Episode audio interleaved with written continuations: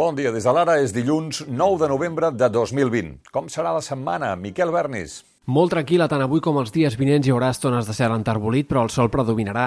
Entre dijous i divendres el cel quedarà més tapat, però en general no tornarà a ploure fins la setmana que ve.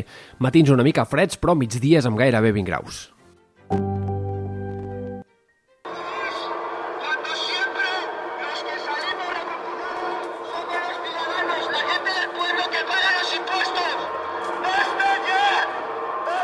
Un grup de treballadors de l'hostaleria de l'Hospitalet de Llobregat van atacar ahir la façana del Palau de la Generalitat en protesta per les mesures sanitàries que tenen tancats els bars i restaurants que dessagnen, d'aquí la pintura vermella, les economies de milers de famílies.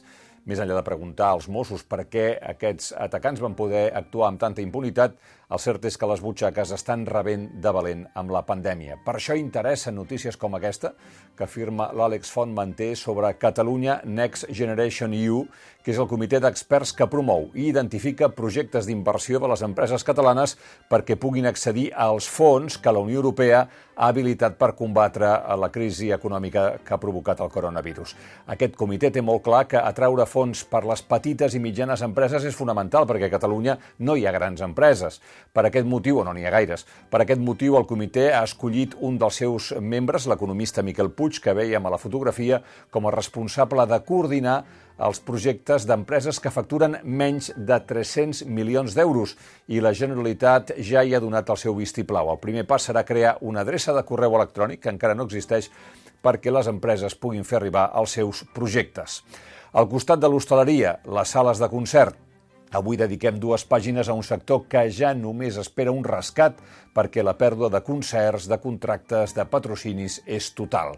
I mirant al futur, de cara a les eleccions del febrer, publiquem un article del president de la Cambra de Comerç de Barcelona, Joan Canadell, en què pregunta als partits quin model econòmic tenen pensat per aconseguir la generació de riquesa que permeti incrementar el benestar.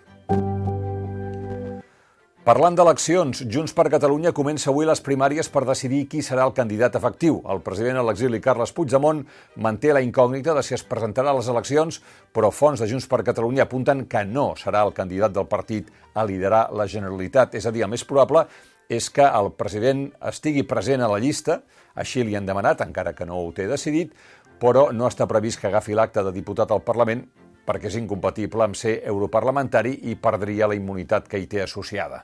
Entre els, els principals aspirants, com han vist, Borràs, Tremosa, Puigneró i Calvet. Per cert, que el president d'Unides Podem al Congrés, Jaume Sens, va exigir ahir al president Pedro Sánchez, eh, de fet, formen part del, del mateix govern, que reformi ja el delicte de sedició perquè els presos polítics estiguin lliures i puguin participar en la campanya del febrer. En una entrevista a La Vanguardia, ahir Asens va assegurar que estan empenyent el PSOE per arribar-hi a temps. Demà començarà el judici pels atentats de la Rambla i de Cambrils de l'agost del 2017.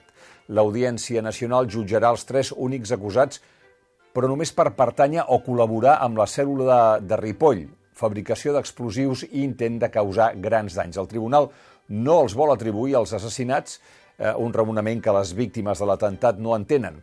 Però què passa? Que els sis terroristes que van actuar a la Rambla, a la zona universitària de Barcelona i al passeig marítim de Cambrils estan morts per la policia. També va morir en l'explosió del xalet del Canà l'imam de Ripoll i un altre dels integrants del grup. Per tant, els tres que s'asseuran a partir d'aquesta setmana al banc dels acusats són Dris Ukabir, que s'hauria desdit a l'últim moment del pla d'atemptat, Mohamed Houli Chemlal, ferit al Canà, i Zaid Ben Yaza, que hauria facilitat la compra d'explosius, però a priori cap dels tres haurà de respondre pels assassinats ni pels 140 ferits que reconeix la justícia. A l'editorial afirmem que el judici hauria de, servir, hauria de servir per saber qui hi ha al darrere dels atentats i, sobretot, aclarir-nos quina era realment la relació de l'imam de Satí amb els serveis secrets espanyols. Se sap, perquè és a la causa, que el Centre Nacional d'Intel·ligència i la Guàrdia Civil havien visitat l'imam a la presó de Castelló i que ell mateix havia dit el 2016 que parlava amb telèfon, per telèfon amb els serveis secrets espanyols. Probablement dissabte a la tarda van interrompre un moment el que estaven fent quan van a saber la notícia que el recompte de vots de l'estat de Pensilvània havia donat la presidència dels Estats Units a Joe Biden i Kamala Harris. A l'ara en parlem avui abastament. Eh, sàpiguen que a aquesta hora les borses de Tòquio i de Hong Kong han rebut la notícia en pujades del més del 2% i que el president Trump no tan sols no ha sortit a reconèixer la victòria del seu rival, sinó que no ha sortit a dir res. Fins i tot l'expresident George Bush, republicà, va fer una declaració ahir, va dir que malgrat les diferències polítiques sé que Biden és un bon home que s'ha guanyat l'oportunitat d'unir el país. Ahir Joe Biden va anar a missa, és el segon president catòlic dels Estats Units després de Kennedy fa 60 anys. I en aquesta pàgina fem un retrat de la seva dona, la primera dama, Jill Biden, 69 anys, pretén seguir eh, treballar de professora de llengua i literatura angleses a una escola de formació professional. Si ho aconsegueix, el gener va haver de deixar les classes a contracor per ajudar el seu marit a la campanya, serà el primer cop que la dona d'un president treballa fora de la Casa Blanca. De fet, no va deixar la seva feina quan Biden es va convertir en el vicepresident eh, d'Obama. Um, però després eh, aquestes eleccions ens han portat una novetat, i és que els mitjans nord-americans s'hauran d'empescar un nou títol eh, segon cavaller, segon senyor, segon espòs per Douglas Emhoff, que el gener es convertirà en el primer home parella d'una vicepresidenta. Emhoff és un advocat d'èxit jueu novaiorquès i ha tingut un perfil baix en la campanya. Es van casar el 2014 i ell té dos fills de la seva parella anterior. Els esports, han sofat i passarà avui pel quiròfan. Finalment, els metges han convençut, han convençut el jove futbolista blaugrana que era la millor opció per tractar la ruptura del menisc intern del genoll esquerre, encara que això comportés estar més temps fora dels terrenys de joc. La intervenció anirà a càrrec del doctor Ramon Cugat i es farà sota la supervisió dels serveis mèdics del Barça. Calculin que en Sofati no tornarà a jugar fins a l'abril. Mentrestant, ahir el Madrid va perdre per 4-1 a València.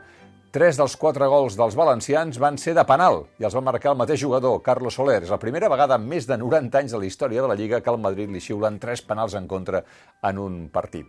A la classificació, la Reial Societat, com veuen, és líder amb 20 punts i el Barça és vuitè amb dos partits menys. El Sabadell, a segona divisió, va perdre a casa contra el Màlaga per 1 a 2. Fins aquí les claus del dia. Tornem després amb l'anàlisi i el cafè de la Lliga.